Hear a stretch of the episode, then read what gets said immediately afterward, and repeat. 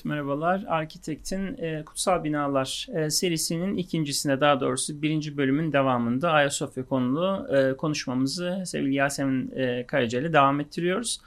E, şimdi geçen e, İslam fetihlerini, Müslümanlar bir yeri fethettiği zaman orada nasıl davranırlar, e, orayı, e, oradaki mabetleri camiye ne zaman çevirirler, ne zaman çevirmezler ya da böyle bir şey hep yapılmış mıdır, bu işin mantığı nedir gibi konuşmaya çalışıp bugün şimdi e, konuşmamızı biraz daha Ayasofya'ya yoğunlaştıralım e, diye düşünüyorum. Şimdi özellikle ilk yapılışından itibaren hani kaç Ayasofya var? Belki bunu izleyicilerimiz şaşıracaklardır. Nasıl yani kaç Ayasofya nasıl bir soru gibi. Belki buradan açarak başlayalım. Ayasofya'nın şöyle bir mimari serencamının serüvenini bir konuşalım. Buyur. Olur. Ee, şimdi Ayasofya tabii bugünkü haline e, ilk yapıldığı anda kavuşmadı. Aslında burası bugünkü hali 3. Ayasofya. İlk Ayasofya 360 yılında 1. Konstantinus tarafından yaptırılmış. İşte ahşap çatılı, 3 e, nefli, bazilikal planlı bir kilise. E, sonra bir isyan sırasında yıkılıyor. İkinci Ayasofya 415 yılında bu kez 2. Theodosius tarafından yapılıyor. E, bu kez beş nefli yine ahşap çatılı bir bazilikal planı var. Bu kez anıtsal girişi de olan bir kilise. 532 yılında e, Nika ayaklanması oluyor. E, o zaman imparator artık Justinianus e, ve Nika ayaklanma sırasında 30 bin ila 50 bin kişinin öldürüldüğü söyleniyor. Bir anlatıya göre Justinianus artık kimseyi öldürmek istememiş e, ve Ayasofya'yı yaparak o günden sonra işte barışı getirmek istemiş. 532'de yani bu ayaklanmanın bastırılmasından birkaç ay sonra hemen Ayasofya'nın yapımı başlanıyor ve 5 yıl sürüyor 537 yılına kadar. Ee, yine bir e, anlatıya göre bir efsaneye göre Justinianus e, rüyasında Hızır Aleyhisselam'ı görüyor. E, o ona hem buranın planını ilham ediyor hem de e, bir pagan tapınağının üzerine bir kilise yapmasını buyuruyor. Hızır Aleyhisselam diyoruz ya şimdi hani izleyiciler için gene soracağım bu soru kendim için de. Yani biz bunu Müslümanlar olarak mı hani bu rüyayı hani şey yapıyoruz yoksa mesela bu rüya batı kaynaklı bir takım efsanelerden mi? Batı kaynaklı bir takım efsanelerden evet. bu var. Tabii ben Hızır'ın yerine ne diyeceğimi de açıkçası bilemedim. Nedir eski kaynaklardan? Yani şöyle tabii belki de onların kendi kutsal aziz azizleriyle ilgili ben, ben hani rivayet tam hmm. bilmediğim için sormak istedim. Hani acaba çünkü bizde şeyler var mesela. Her e, rivayetin bir versiyonu var. Tabii. Böyle he, hepsinde hani kendi azizlerinin mesela yerini biz tutmuşuz mesela Hızır'ı koymuşuz falan gibi. Bu rivayetler e, ilerleyen vakitlerde konuşuruz. Ayasofya'nın e, İslami bir figür haline gelmesi için çok çok önemli olmuş yani halk üzerinde bu mitler sayesinde e, Ayasofya neredeyse bir hani e, kutsal İslam Hızır hani katkısını biz mi yaptık diye şüphem. Çok mümkün. çok mümkün e, ona ilham edildiği söyleniyor ama aslında çok bilinçli bir tercih olduğunu e, tahmin edebiliriz. 5 e, yıl gibi bir sürede yapılıyor. Aydınlı e, Antemius ve e, Milletli Isidoros iki e, büyük mimar onları çağırıyor e, Justinianus ve e, bu kez yapılan yapı Süleyman Mabedi'nden esinlenerek yapılan ve onu geçmeyi amaçlayan bir yapı. Yani Kudüs'teki Süleyman Mabedi'nden. Birazcık Ayasofya'nın içine girelim. Nasıl bir evet. yapı burası? Şimdi içeriye girdiğimiz anda avluda aslında bazı eski kolon e, sütunlar görürüz. Mermer sütunlar. Bunlar ikinci Ayasofya'dan kalma. Birinciden neredeyse günümüzde hiçbir şey kalmamış. Yani sadece e, mahzenlerde bazı üzeri damgalı tuğlalar olduğunu söylerler. E, ama bahçede gördüğümüz kalıntılar ikinci Ayasofya'dan kalma. Onları bugün ayırt edebiliyor muyuz? Mesela şimdi izleyicilerimiz gitseler. E, Bahçe, avluda, evet, evet avluda aha. dışarıda gördükleri evet. kolon parçaları ikinci Ayasofya'dan kalma parçalar e, çift nartekslidir Ayasofya. Yani iki tane böyle giriş avlusundan geçerek gireriz. Birinciden girdikten sonra biraz böyle camilerin son cemaat yerine evet. benzer o giriş. İkinci nartekste bizi böyle harikulade altın mozaik kubbeler karşılar. Ee, sonra içeri naos denilen o temel ibadet alanına gireriz. Zaten orada büyüleyici bir kubbe vardır. Evet. Ee, orada gerçekten e, efsanevi bir mühendislik ve mimarlık var. Şöyle şimdi çok dev bir kubbe görürüz ama aslında ortada bir büyük kubbe yanında da onu destekleyen iki tane yarım kubbe vardır. Bu büyük kubbenin ayaklarında fil ayağı dediğimiz onları tutan destekleyen ayaklar var. Yarım kubbeler de onlarla birlikte onların üstüne oturuyor.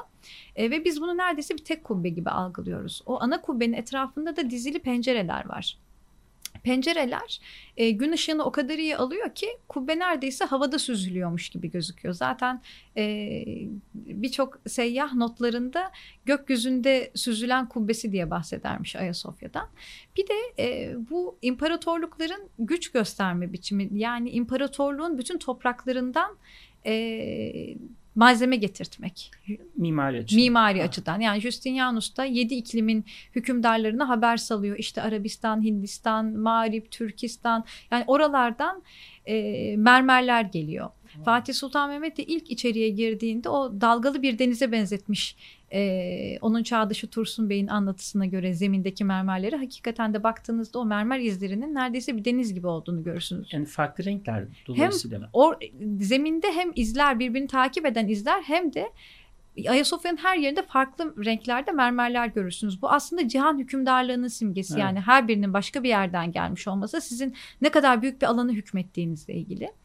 E, pandantif dediğimiz kubbelerin köşelerinde üçgen e, alanlar vardır. Kubbe taşıyıcıları. Onların üzerinde de e, serafim denilen e, dört kanatlı e, melek freskleri var. Bunların ikisi mozaik, ikisi fresk imiş. Ee, onlar için de en azından Hristiyan anlatısına göre o melekler Tanrı'nın e, tahtını taşımakla yükümlü. O yüzden ya, kapatalım onları değil o yüzden. Yani oradaki kubbe, kubbede de tabii eskiden Pantokrat İsa mozaiği var. Ki o e, hakikaten içeriye girdiğinizde her yer altın rengi mozaiklerle kaplı olduğundan yine Tursun Bey'in anlatısına göre bir adam tasvir ediyor. Tabii Pantokrat demiyor İsa'dan bahsederken ama bunun da çok etkileyici olduğunu siz nereye giderseniz gidin sizi takip eden bir evet. e, yüzü olduğunu söylüyor. E, hızlıca kubbeye tırmanmış Fatih Sultan Mehmet içeriye girdiğinde çok büyük bir heyecanla e, incelemiş ve ilk girdiğinde zemindeki mermeri sökmekte olan birini görünce onu da azarlamış. Evet. Niye söküyorsun bunu diye. E, velhasıl mimari özellikleri itibariyle aslında birçok sembolü sembolü ve e, simgeselliği içinde barındıran bir yapı. Yani hem cihan hükümdarlığını simgeliyor bir sürü farklı malzemeyle. Ajur tekniği dediğimiz dantel gibi örülmüş e, sütun başlıkları var. Bunu e, öncesinde Küçük Ayasofya Camii'nde Justinianus deneyimlemiş zaten. Aslında bir provası derler onun için e, böyle dantel gibidir e, ve bir de meşhur bir e, imparatorun taç giyme alanı vardır böyle yerde yuvarlak Hı hı. mermerler vardır. İşte imparator ortada durur. İstanbul e, yani Konstantinopol Piskopos ona taç giydirir. Hepsinin kendi yerleri vardır. Genel olarak Ayasofya'nın en önemli özellikleri dıştan ziyade iç mekanının evet. büyüleyici olması ve e, bu büyüleyiciliğin de e, bugüne kadar hemen hemen kendinden bir şey kaybetmemiş olmasıdır. Şey soracağım mimari açıdan e, şimdi tabii dışarıdan baktığımız zaman dört tane de minaresi var. Ama bu dört tane minarenin bir tanesi işte kiremitten, tuğladan, bir tanesi daha ince bir minare, iki tanesi de klasik kalın iki minare. E, toplam dört minare. Bunların hikayeleri mesela şöyle bir şey duyuyoruz, hep okuyoruz hani e, minareler yapılarak aslında bina çökmekten kurtarılmış diye. Hani Şimdi, Osmanlı dönemindeki hani mimari e, gelişimleri belki biraz konuşmak lazım. Şimdi Fatih Sultan Mehmet ilk İstanbul'u fethettiğinde ve Ayasofya'yı camiye çevirmeye karar verdiğinde tabii simgesel olarak bir tane ahşap minare diktirmiş. Ee, yine ikinci... Ayasofya'nın çan kulesi var mı?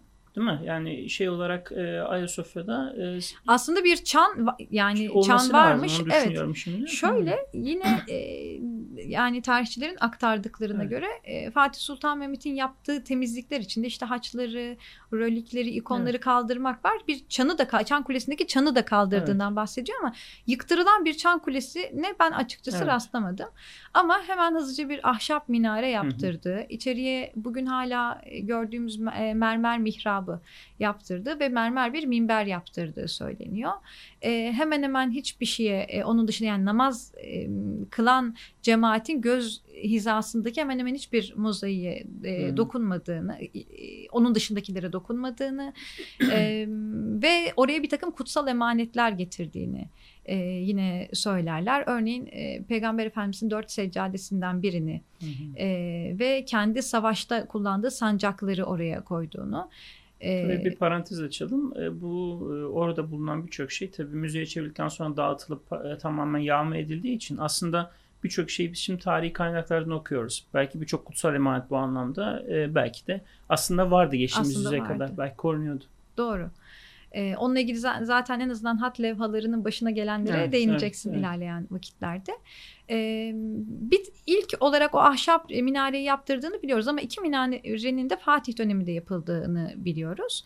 Daha sonra eklenen iki minare ikinci Selim döneminde. Çünkü Sultan camilerinin dört minareli evet. e, olmasına istinaden e, Mimar Sinan'ın eklediği iki minare var. Ama Mimar Sinan zaten e, çok kapsamlı bir restorasyon çalışmasına burada öncülük ediyor. Yani yaptığı e, birçok şey var. Örneğin bütün etrafının temizlenmesi mesela bugünkü gibi Ayasofya'yı e, tek bir yapı olarak görmüyoruz o gün. Bir meydanın ortasında değil. E, e, neredeyse binanın duvarına e, ilişiklenmiş birçok hane var. Şey değil, mi? mi? İnsanlar yaşıyorlar. İnsanlar yani. yaşıyorlar. Evet. Payandalardan aldıkları taşlarla evlerini e, ördüklerine dair rivayetler var. Hı. Onları oradan çıkarmak için 2. Selim dört tane ferman yayınlamış bu bütün restorasyon sürecinde ve onları kullananlara bile tazminat ödeyerek onları çıkarmak istedikleri halde ya kafir yapısıdır yıkılsa ne olur diye itiraz edenler olmuş zulümdür yapmayın diye. Onlar hakkında da e, evini oradan taşımayana e, Şeyhülislam kafir olur diye de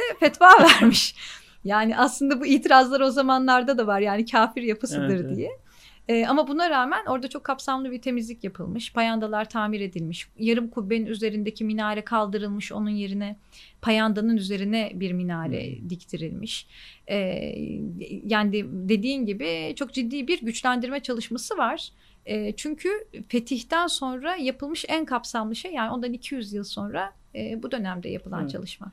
Bir de şey ben okumalarımı rastlamıştım. 1894 İstanbul depreminde e, yapının içerisindeki birçok mozaiğin döküldüğünü. Buna dair bir şey okudun mu hiç? Yani kaynaklarda rastladın mı ya da? Yani, yani bugünkü mozaik yani normalde çok daha fazla mozaiğin olduğu yani içeride. Ve sonra onların freske çevrildiğini Hı-hı. evet. Ama üzeri kapanmış olan hani e, kireçle falan birden kapanıyor ya depremde bunların tabii bir daha tamir edilemeyecek derecede yani yapı bir şey yap, zarar gördüğü için o kısımları aslında çok daha fazla içinde fresk ve mozaiğin olduğu şeklinde bir okuma yani bir yerde rastlamıştım. Onu. Doğru zaten e, Abdülmecit döneminde yani 1847'lerde e, İsviçreli mimar kardeşler var. Fossati kardeşler. Onlar mozaikleri tamir ediyorlar e, belgeliyorlar ve üzerlerini yine ince bir sıvayla örtüyorlar. O dönemden çok güzel çizimler de var. Evet. Hani o, o zamanki cami hali evet. Evet. İkinci Selim'den sonraki en kapsamlı restorasyon ta 1800 e, işte 50'lere doğru Fossati kardeşlerin yaptığı. Yani onlar 300 yıl sonra yaklaşık. Evet. Hmm. Dışarıdan yani kubbenin e, yan kubbelerle olan o itici gücü kubbeyi zarar vermesin diye dışarıdan de, e, zincirlerle kubbeyi sağlama almışlar. E, onlar çok ciddi bir restorasyon çalışması yapmış ama bütün mozaiklerin belgelenmesi, temizlenmesi, e, binanın dışının almaşık bir duvar gibi e, bir sıvayla neredeyse Hı-hı. çizilerek gösterilmesi e, Fossati kardeşlerin mahareti. Bir şey vardı şöyle bir şey okumuştum e, işte 1354 zannediyorum tarih e, böyle Bizans ekonomik yönden o kadar böyle e, kötü duruma düştü işte senin demin bahsettiğin iç isyanlar ayaklanmalar falan filan e, Ayasofya'yı tamir edecek bile devletin bütçesi olmuyor. Sonra halktan para topluyorlar o dönem. 1154 yani demek ki fetihten 100 yıl önce. E, ondan sonra Ayasofya yani o kadar böyle e, el yordamıyla aslında hani e, bir tamir geçiriyor ki fetih öncesinde. İstanbul diyorlar hani Fatih fethettiği zaman aslında İstanbul'un fethedilmiş olması Ayasofya'nın belki de kurtarılması Kurtuluş anlamına oldu. geliyor. Onu hep söylüyoruz. Mesela Semer ve Ece'nin bir makalesinde şey geçiyordu e, statik açıdan diyor Ayasofya'nın kubbesi çökecekti. Yani e, o kubbe zaman işte, işte depremler ve yapının eskimesi sebebiyle hani fetihle beraber diyor. Minareler işte geçen e, şeyde de hani oturumda da bahsettik Ali Neccar'ın mesela hani rivayet bile olsa enteresan bir şey. Seyahatnamede yani, Evliya Çelebi geçiyor. E, yani kaynağa girdiğine göre demek ki en azından söylenti düzeyinde de olsa öyle bir gündem var.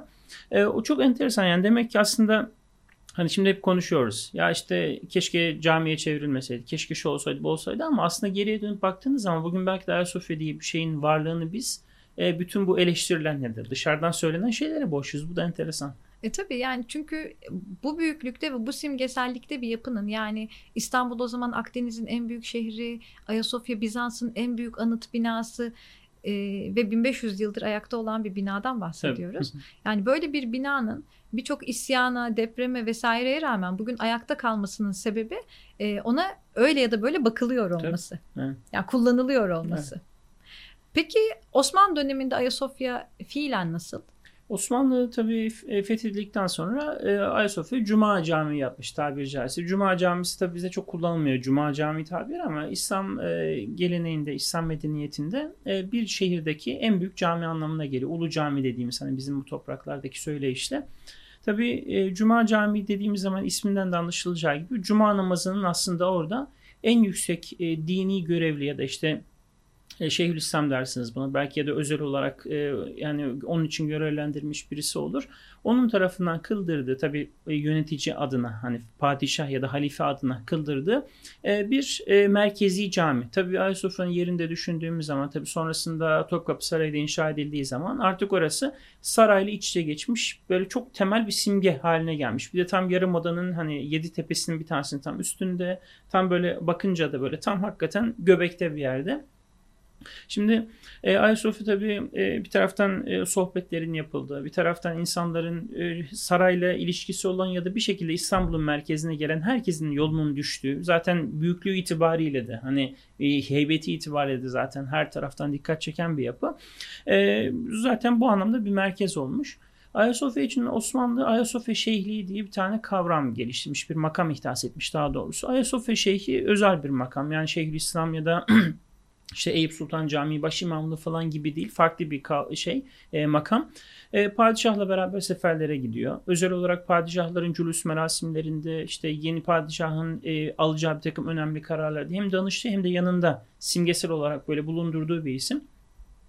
E, Osmanlı tarihi boyunca tabii e, Ayasofya e, hem e, ilmi açıdan e, şey yapmış yani bu anlamda merkez olmuş hem de aynı zamanda e, Osmanlı tarihinin çok enteresan bir dönemi vardır. Sultan 4. Murat, İbrahim ve 4. Mehmet, Avcı Mehmet e, yani 1700 yılların başlarına kadar e, süren çok enteresan bir süreç. Kadızadelilerle Sivasiler arasındaki mücadele. E, Kadızade Mehmet Efendi ilginç bir figür. Babası kadı olduğu için kadı olarak, kadızade olarak isimlendirilmiş. E, kendisi üstad olarak şu anda İzmir'in Birgi ilçesinde e, bulunan İmam Birgivi isimli bir zatın e, kendisine yetişemese de e, talebesi olarak kendini addediyor. İmam Birgivi'nin iki tane önemli kitabı var. E, bunlardan bir tanesi Vasiyetnamesi, diğeri de Tarikat-ı Muhammediyesi. Bu kitaplarda tabii şimdi kitabıyla biraz kaba olabilir ya da tam karşılamayabilir ama selefi bir bakış açısı var. Nasıl? Yani Osmanlı'nın o dönemde hakim olan kültürüne, işte tasavvufa, tarikatlara, türbelere, e, kutsal gün ve gecelerin e, işte e, kutlanmasına, önemsenmesine, halkın bir takım batı inançlarına, e, sünnette olmayan fakat daha sonra halkın inancıyla artık yerleşmiş ibadet hayatına girmiş bir takım böyle namazlara, bazı uygulamalara karşı çıkan bir anlayış. Ama tabii e, Kadızade Mehmet Efendi e, İmam Bilgivi'nin kitaplarında dile getirdiği çerçeveyi çok daha öteye taşıyor. Kendisi Ayasofya şeyhi olduğu için, imamı olduğu için çok önemli. Çünkü Ayasofya'daki vaazları üzerinden aslında e, sarayda arkamda demek istiyor. Çünkü hmm. Ayasofya'da birisi bu sözleri söylediğinde aslında resmi ideolojinin aslında fikrini dile getirmiş oluyor. Tam karşı kutupta halvetiler var. Mevleviler, Nakşiler hepsi zaman içerisinde sürece dahil oluyorlar. Önce Abdülmecid e, Sivasi, daha sonra onun talebeleri. Kadızade Mehmet Efendi'den sonra Üstuvani Mehmet Efendi yine aynı şekilde. Üstuvani denmesinin sebebi çok enteresan. Arapçada Üstuvani direk demek, sütun demek. Üstuvani direk yani direkli Mehmet Efendi gibi çevirebiliriz. E, Ayasofya'da bir tane direğin dibinde sürekli vaazlarını verdiği için adamın ismi bile Ayasofya'nın direğinden geliyor. E, tabii tartışmalar e, fiili olarak kavgalara dönüşüyor.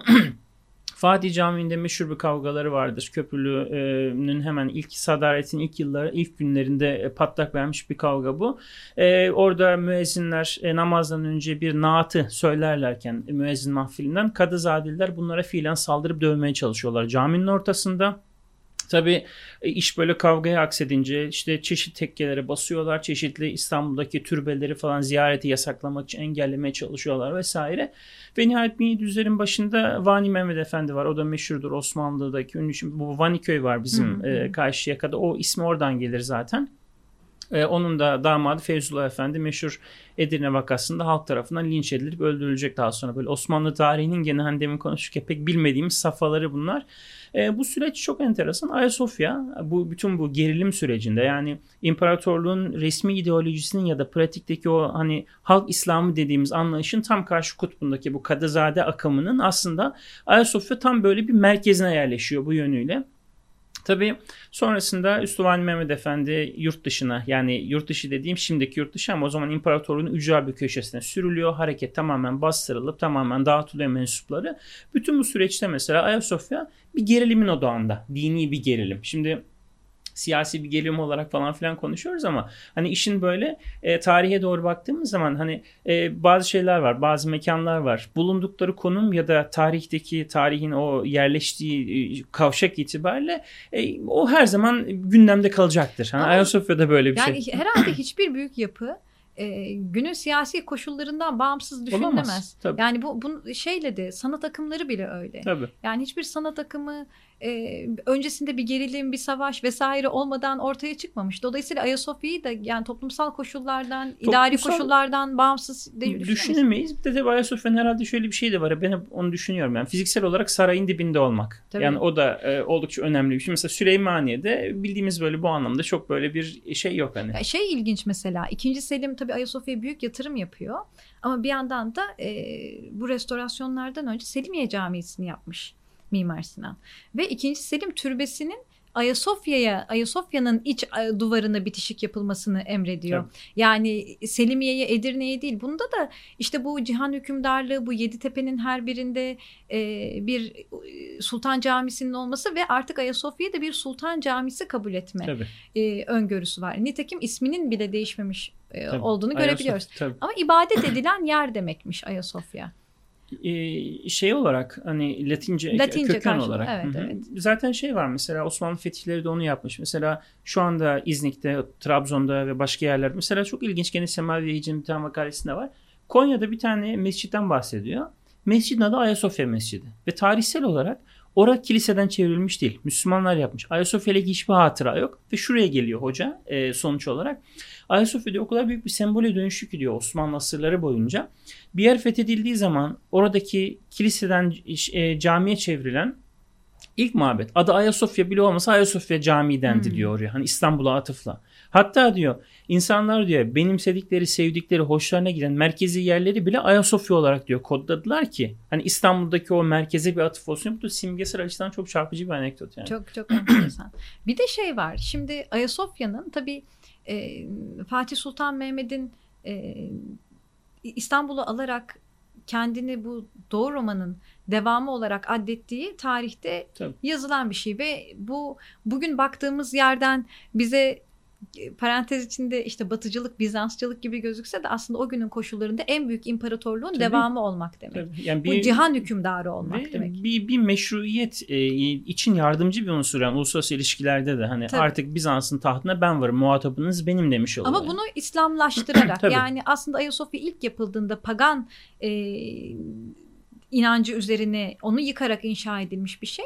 E, Ayasofya'nın cami olması da o kilisenin değiştirilerek Hristiyan inancının üzerine İslam'ın getirilmesi gibi bir şey. Ve e, şeyi soracağım sana. Ayasofya'nın halk nezdinde de meşrulaşması için bir takım mitler yayılmış. Yani evet. hikayeler, efsaneler. Bu şimdi bana senin e, şöyle bir e, sözünü okumuştum bir yerde. Yeterince tarih bilen hiçbir şeye şaşırmaz diye. Evet. Şimdi aslında benzer şeyler olduğunu görüyoruz. Yani bir şeyi halk nezdinde olumlu ya da meşru hale getirmek için hikayeler üretmek. E, hatırlıyor musun? Geçen Kudüs'e gitmiştik beraber ya. Kudüs'te evet. mesela bir yerden bahsetmiştim ya da belki hani laf arasında geçmiş olabilir. Hızır Kubbesi diye bir yer var Kudüs'te. Kubbetü Sahra'nın hemen böyle kuzeyinde küçük bir yer. E böyle etrafı boş, sütunlar üzerinde küçük bir kubbecik kenarda duruyor. Yani altında namaz kılacak bile yer yok hani o kadar küçük. E, niye Hızır Kubbesi? Şöyle bir inanış var. E, İstanbul'un fethine kadar 1453'e kadar Hızır Aleyhisselam namazını orada eda ediyordu. İstanbul fethedilince bu sefer tabi Kudüs'ün tahtı İstanbul'a geçince ve Bizans'ta yok olunca bu sefer eh dedi ben artık İstanbul fethedildiğine göre oraya gideyim dedi diye Kudüs, e, Kudüs'te Hızır'a ye, şey yapılmış. Kubbe inşa edilmiş. Osmanlı dönemi tabi eseri. Şimdi hiçbir ciddi kaynakta bunu ben şeyini aslında göremedim. Yani nasıl olur? Hani Olduysa bile bunu gören mi vardı? Nasıl oldu? Mesela e, gene Mescid-i Aksa'dan bir örnek vereceğim. Oradan e, Ayasofya'ya geliriz. Çünkü sadece bizde değil. Her dinde ve her e, inanışta bu var. İnanışların doğası da biraz böyle. Mesela Peygamber Efendimiz Aleyhisselam'ın e, Miraç'ta namaz kıldırdığına inanılan bir nokta var. Diyorlar ki şurada kıldırdı hani iki tane böyle mermerin üzerinde. Şimdi Mescid Aksa'nın yani o alanın işte İsra ve Miraç mucizesinde e, Efendimiz'in oradan geçmesi sebebiyle önemli olduğunu biliyoruz. O tarihsel olarak da hani kaynaklarda geçiyor. Ama tam olarak şurası demek için kesin bir delil lazım. O da yok. Ama çok enteresan. Bugün insanlar mesela orada namaz kılmak için yarışıyorlar. Kudüs'e gidenler görürler. Niye? Çünkü Peygamber Efendimiz burada kılmıştı falan diye. İlginç bir şey. Yani e, inanışlar insanı tabii oraya daha çok bağlıyor. Ben mesela İslam coğrafyasının farklı yerlerinde çok farklı yerlerde böyle bu tarz şeylerle karşılaşa karşılaşa. Mesela e, Semerkant'ta e, Timur'un e, işte Hazreti Osman'ın e, kanlı işte e, şehit edildikten sonraki e, kanlarının böyle üzerine sıçradığı Kur'an-ı Kerim'in tam Semerkant'a getirdiği inancını mesela e, işittim Özbeklerden. C- ciddi ciddi anlatıyorlar ya hiçbir tarihi kaynakta nasıl olur? E, Topkapı Sarayı'nda Kur'an-ı Kerim'le o zaman falan böyle konuşuyorsun mesela. Ama bakıyorsun ki sarsılmaz bir inanç haline gelmiş. Ve bizi sonra Taşkent'te o Kur'an-ı Kerim'in asıl sergilendiği müzeye götürdüler. Şimdi ben bakıyorum ya diyorum nasıl oluyor falan ama bütün Kabe'nin üzerine kurulmuş. Onu da artık yıkma, yıkmaya imkan yok. Bir de yıkmaya belki gerek, gerek de, yok. de yok. Yani şimdi e, çünkü birçok inanış, birçok böyle hani kültür dediğimiz şeyde, tarih dediğimiz şeyde bunlarla beraber gidiyor. İşte Ayasofya'ya gelelim. Hani içeri girenler görecekler. Hemen böyle mermer sütunda bir tane böyle delik var. Hatta insanlar gidip böyle parmaklarını sokup böyle falan da çeviriyorlar. Ayasofya yıllar önce ilk defa ziyaret ettiğim zaman çok dikkatim çekti. Nasıl yani bu nedir falan diye. Tabii hepimizin bildiği açıklama geldi. İşte e, Cuma namazı kılınırken Ayasofya'da Fatih Sultan Mehmet işte ve Akşemseddin ve diğerleri tekbirlerini almışlar ama meğer kıble yanlışmış. Cebrail aleyhisselam gelmiş parmağını parmağı olur mu o da ayrı bir şey. Parmağını sokmuş onlar namaz kılarken namazları bozulmasın diye kıbleyi yavaşça çevirmiş. Ayasofya'nın kıblesi şimdiki haline gelmiş falan ben gibi. Ben Hızır aleyhisselam diye duymuştum ama aslında tarihi kaynaklarda şöyle diyor. O, onu, Hızır diyen de var dediğin gibi hani birçok böyle şey var. Ha. Halbuki bir 19. yüzyıl seyyahı Edmondo de Amicis evet. o da şey diyor içeriye girdiğinizde perspektifi bozan bir e, halıların yönünü görürsünüz. Çünkü e, tabii ki mihrap kıbleye tabii, doğru tabii. olmadığı Şu an için. Bugün de. Yani, yani aslında bugün ona bakıp da. Yani sadece o hani küçük bir bakış bile o rivayeti bozmaya yetecekken bozmuyor. Bir yandan da Kudüs ile Ayasofya'nın başka bir bağlantısı da var. Bu işte Justinianus'un Ayasofya'yı yaparken bu Süleyman Mabedi'ni hem örnek aldı hem de onunla bir rekabete giriştiği söylenir. Hatta Ayasofya'nın açıldığı gün içeriye girip e, Süleyman seni yendim diye bağırdığı e, rivayet ediliyor. Tabii onlar için hani Hazreti Süleyman Yahudi, Yahudi kendileri de Hristiyan, Hristiyan tabii öyle bir anlayış da var. E, şey var tabii bir de Ayasofya'nın geçirdiği önemli olaylardan biri 1204'teki 4. Evet. Haçlı Seferi. Evet, yani orada yağmalanmış olması. E, o sefere e, Haçlıları kışkırtan Enrico Dandolo diye birinden bahsedilir. Onun İstanbul'un fethine kadar mezarı Ayasofya'nın ikinci katında duruyormuş. E, fetihten sonra mezar yıktırılmış ama hala mezar taşı duruyor orada. Evet, Öyle evet. bir e, bu mezar demişken gene bir atıf yapayım. Mesela e, Selimiye Camii'nde e, ve Lala Mustafa Paşa'da da şeyde de e, Kıbrıs'ta Magos'a ve Lefkoşa'da da mesela orada da ben gittiğim zaman görmüştüm. Yani içinde hala e, papazların eski kilise döneminden kalma şeyleri bugün bile mesela korunuyor. İlginç bir şey. E, Ayasofya'nın önemli bir özelliği daha var. Önemli bir özelliği derken aslında en çok bilinen mimari elemanlarından biri artık hat levhaları. Evet. Biraz bize onlardan bahsetsene. E, tabii e, hat belki şöyle bir başlıkla açabiliriz. Biraz da senin alanına da girerek. Şimdi Ayasofya'nın içerisinde 1. Mahmut döneminde inşa edilmiş çok inanılmaz güzel bir kütüphane var. E, ama o kütüphanenin mesela e neden caminin kuytu bir köşesine inşa edildiği bugün hala soruluyor. Yani neden şöyle e, daha havadar bir yerine yapılmadı diye parantezi kapatarak söyleyeyim. Şadırvanı hakikaten yani inanılmaz güzellikte. Hatta hiçbir Osmanlı camisinde öyle görkemli ve o kadar ince işçilikte bir şadırvan yapılmadığı söylenir. Sen demin bahsettiğin o padişah kabirleri işte Sultan II. Selim, III. Murat ve diğerlerinin sonra bilahare e, Sultan İbrahim için Vaftisane'nin kabre çevir şeye, türbeye çevrilmesi e, Hristiyanların tabii, hiç hoşuna gitmeyen bir şekilde. E tabi. E, yani şimdi e, hat levhaları dediğimiz zaman tabii biraz böyle bizim için acı bir şey de var. Anekdot da var orada. Tam bu noktada Uğur Derman Hoca'nın bir şeyini aktaracağım ben. Yaşadığı bir şey. 1944'te hoca 35 doğumlu olduğuna göre 9 yaşında. Ablasıyla beraber dedesi kendisini alıp Ayasofya'ya götürüyor. O zaman tabii e, 1934'te Ayasofya müze olduğuna göre 10 yıldır Ayasofya kapalı demektir, müze demektir. Tabii 2. Dünya Savaşı şartları insanlar her gün müzeye yoğun bir şekilde yurt dışına turistler de gelmediğine göre cami atıl vaziyette ki hoca da öyle anlatıyor. İçeriği diyor yaşlı bir zat bize gezdiriyordu. Gezdirirken e, o büyük e, levhaları yerde gördük diyor hat levhalarını. İşte Allah, Muhammed, Hasan, Hüseyin, işte Ebu Bekir, Ömer, Osman, Ali klasik hat levhaları. E, o zatı sorduk diyor. Burası neden e, işte şey oldu? Bunlar neden yerde kaldı? O da demiş ki yani indirdik. Sonra demiş kapıdan çıkarmaya çalıştık. Sığmadı. 7,5 metre. metre çapında olduğu için. Burada bu bunlar da burada duruyor demiş. Sonra bu noktada Uğur Hoca şeye geçiyor. E, hatların tekrar yukarıya kaldırılma hikayesini anlatıyor. İki tane gayretli insan hakikaten Allah rahmet eylesin çok e, hani kültür tarihimiz açısından çok önemli iki e, kişi. Bir tanesi Ekrem Hakkı Ayverdi, diğeri de İbnül Emin Mahmut Kemal İnal. E, bunlar tabii aynı dönemin insanları. 40'larda Kendileri de zaten e, bir taraftan İstanbul bir taraftan Balkanlar e, eserleri ayağa kaldırmakla e, işte meşguller. Bu, ama hani o kadar böyle maalesef her şeyin o kadar tepildiği ve boş verildiği bir devir ki ancak kişisel gayretlerle bir şeyler yapılabiliyor. Müdüre gidiyorlar e, Ayasofya Müze, Müzesi'nin müdürüne. Diyorlar ki biz bu levhaları yukarı kaldıralım. Tekrar yerine asalım. Benim için sorun yok diyor. Ama diyor benim diyor şu anda bütçem yok. Para bulabilirseniz olur. Ekrem Hakkı Ayverdi kendisi etraftan para toplayarak kendi bizzat kendi gelirinden e, şeyi tabloları önce tabii çok hırpalanmış yerlere falan yıllarca yerde kaldığı için e, tamir ettiriyor güzel bir şekilde. 35 santim kalınlığındaymış. Evet yani. ve e, içeride çatıldığı için levhalar e, dışarı sökülüp de çıkartılamıyor. O hani hatta gene Uğur Hoca şey diyordu bir konuşmasında. Mesela 7,5 metre yerine 7 metre olsa hap tablolar gidecekti. Ha, yani, bereket parçalanmamış. E, parçalayamamışlar çünkü tek parça ve şey hmm. hani dışarıda çıkartamamışlar kapıdan sığdıramadıkları için ama sığdırdıklarını mahvetmişler. Tabii Cumhurbaşkanı da bahsetti ya o Ayasofya ile ilgili konuşmasında. Yani çok e, önemli bir hani caminin içerisinde aslında bir kültür mirası adeta bir müze gibiyken caminin içerisindeki eski fotoğraflardan anlaşılıyor. Cami, cami olarak e, açık olduğu dönemden siyah beyaz fotoğraflarda inanılmaz güzel parçalar gözüküyor içeride. Hiçbiri yok. Hiçbiri yok evet. Sonra 1949'da bu bahsettiğim e, iki zat e, Ekrem Hakkı Ayverdi ve İbnül Emin Mahmut Kemal İnal tamir ettirdikten sonra astırıyorlar. Tabii şimdi izleyicilerimiz diyecek ki yani bunu astırmak için niye para gerekiyor ama çok büyük bir mühendislik işinden bahsediyoruz. Yani ve, metrelerce e, yukarı kaldırılacak. Ve şu, şu da önemli. Devlet e, adeta onların yok olmasını istediği için aslında hani Tabii. müze müdürü diyor ya bütçem yok. Aslında yani caminin yani müzenin çok önemli bir parçası o. Ama o kadar böyle terk ediliyor ki o miras tamamen yok olmaya hatta kasten yok da ediliyor. Ee, adamcağız e, yapmak isterim ama diyor para yok. Ondan sonra e, tabii e, bu hatlar kimin eseri onu da konuşmak lazım. Bu 7,5 metre çapındaki dünyanın şu anda e, en e, büyük hat levhalarıdır. Yani onlar da şu anda Ayasofya'da. Kazasker Mustafa İzzet Efendi çok enteresan bir adam. Yesarizade İz, Mustafa İzzet'in yani kendi adını taşıyan büyük bir üstadın e, şeyi, talebesi.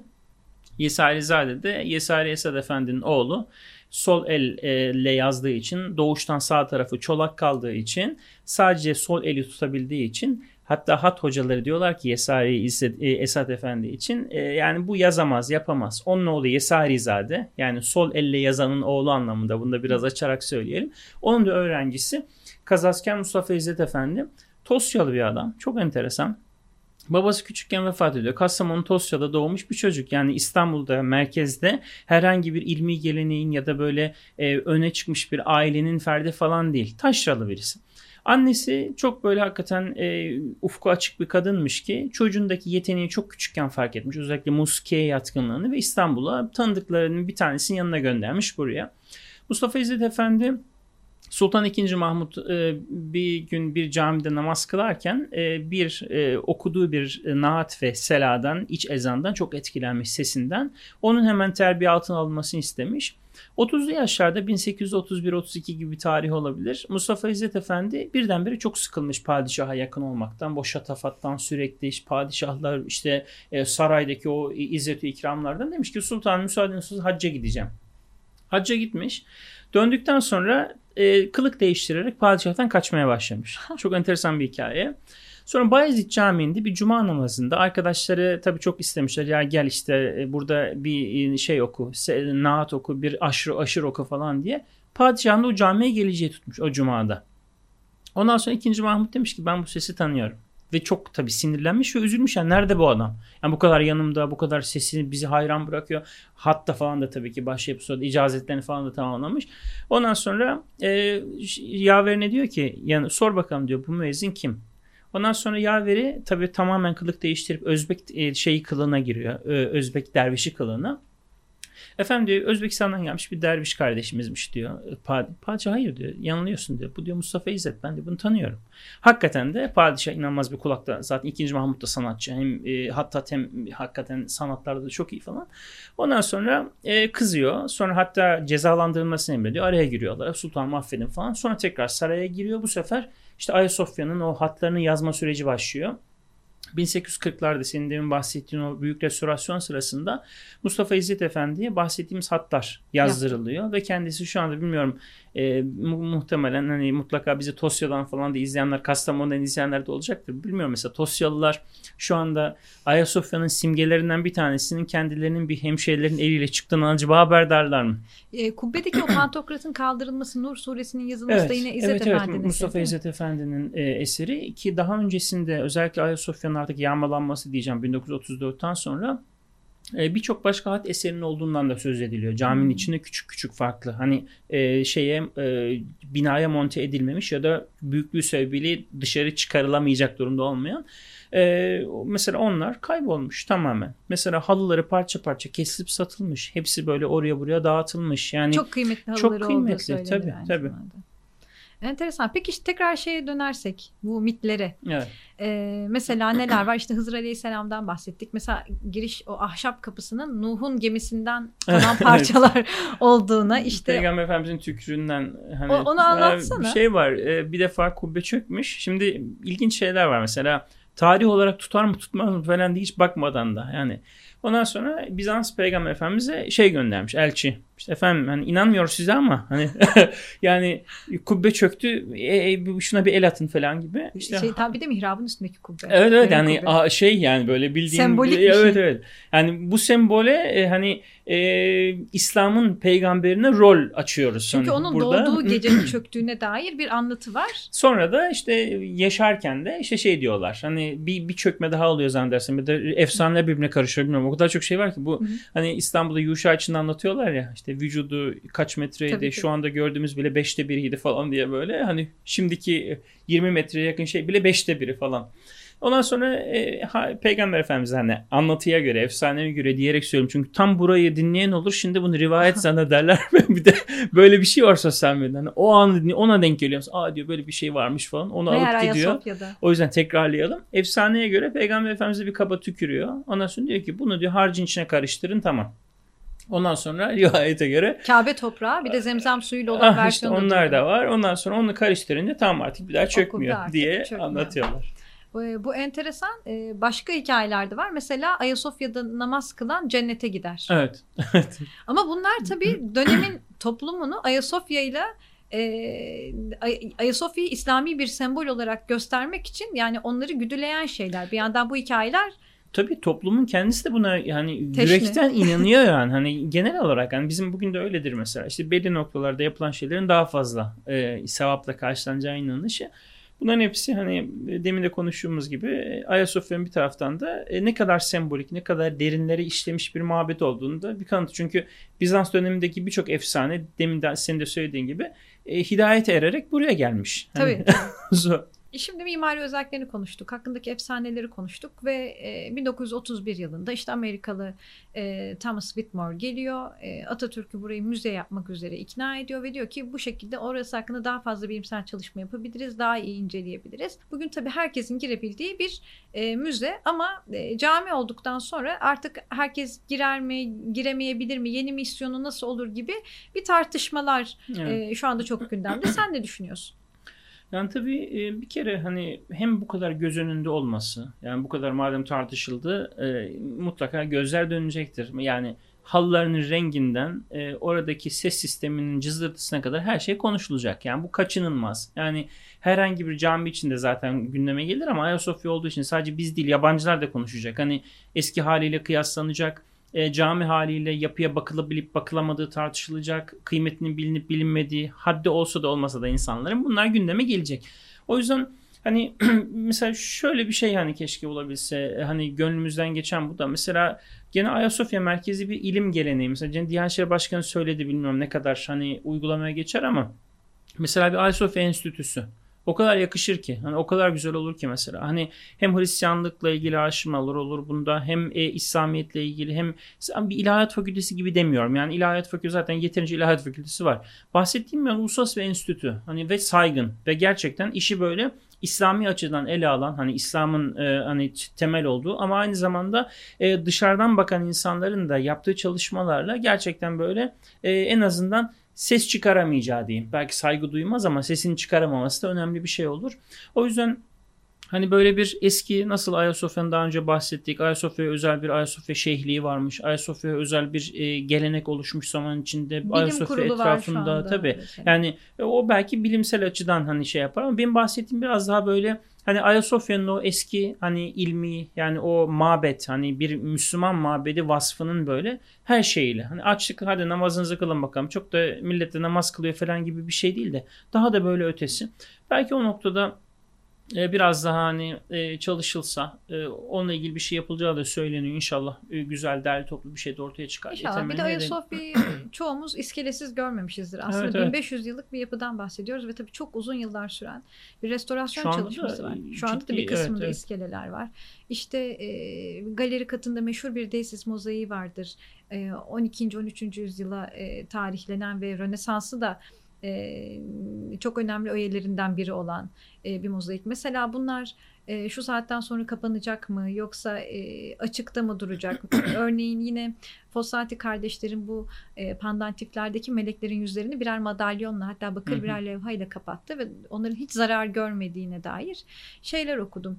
E, bunun gibi bundan sonra da burayı bir cami haline getirirken mevcut yapı nasıl korunacak, dokunulacak mı, ne tür önlemler alınacak? Bunlar üzerinde çok titizlikle durulması tabii, gereken şeyler. Tabii. Ve bir yandan da tabii e, Ayasofya öyle ya da böyle e, üzerinde birçok inancın e, hak iddia ettiği ve bir şekilde temsiliyet de bulduğu bir yer olduğu için e, gönül de kırmadan buraya yine herkesin e, gelebildiği bir mekan olma özelliğini kaybetmemesi gerekiyor. Geçen lafını böleceğim. Ee, Rusya herhalde, Rusya sözcüsü müydü? Ya diyor biletler de çok pahalı artık bedava gireceğiz. Şimdi bu yönde vardı. Tabii. E, halılarını nasıl buldun? Yani şöyle e, tabii turkuaz hani resmi renk olarak malum Türkiye'de bir e, şey olarak e, hmm, nasıl söyleyeyim protokol rengi olarak şu anda işte kırmızı halılardan turkuaz halılara geçiyor. Öyle bir tercih yapılmış zannediyorum. Ama dün bir e, gene sanatla hani çok ilgili bir arkadaşla konuşurken geldi acaba böyle kahverengi tonlu daha böyle hani caminin iç dizaynıyla uyumlu bir şey mi olsa muhtemelen hani karar vermek için hani bazı şeylere belki şöyle bir hem halılar serilmiş hem böyle iç e, hani atmosferi belki bir görmek lazım.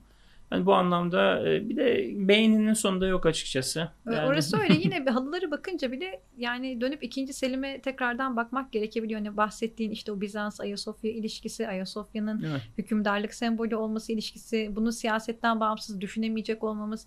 Belki bugün de bu Türk hastalarının o kadar da tarih dekoratif boyunca, tercihler olmadığını tabii, gösteriyor. Tabii zaten tarih boyunca hani bir şöyle bir şey var ya işte ya çok bu iş çok siyasal. Zaten siyasi yani burası zaten mane olarak ilk bölümde de konuşurken zaten siyasi siyasi bir sembol olarak manası zaten var. Hani o yüzden bu işi siyasete hiç bulaştırmayın, bu iş siyasetten uzak olsun gerçekçi bir talep değil zaten. Ee, o zaman bugün Ayasofya'yı evet. burada sonlandıralım. Sonlanmıyor ama hani konuştuğumuz gibi bir üçüncü bölüm daha çekip bıktırmayalım, bıktırmayalım. insanları. Peki e, o halde inşallah kutsal binaların bir sonraki bölümünde görüşmek üzere. Görüşmek üzere. Sağ olun.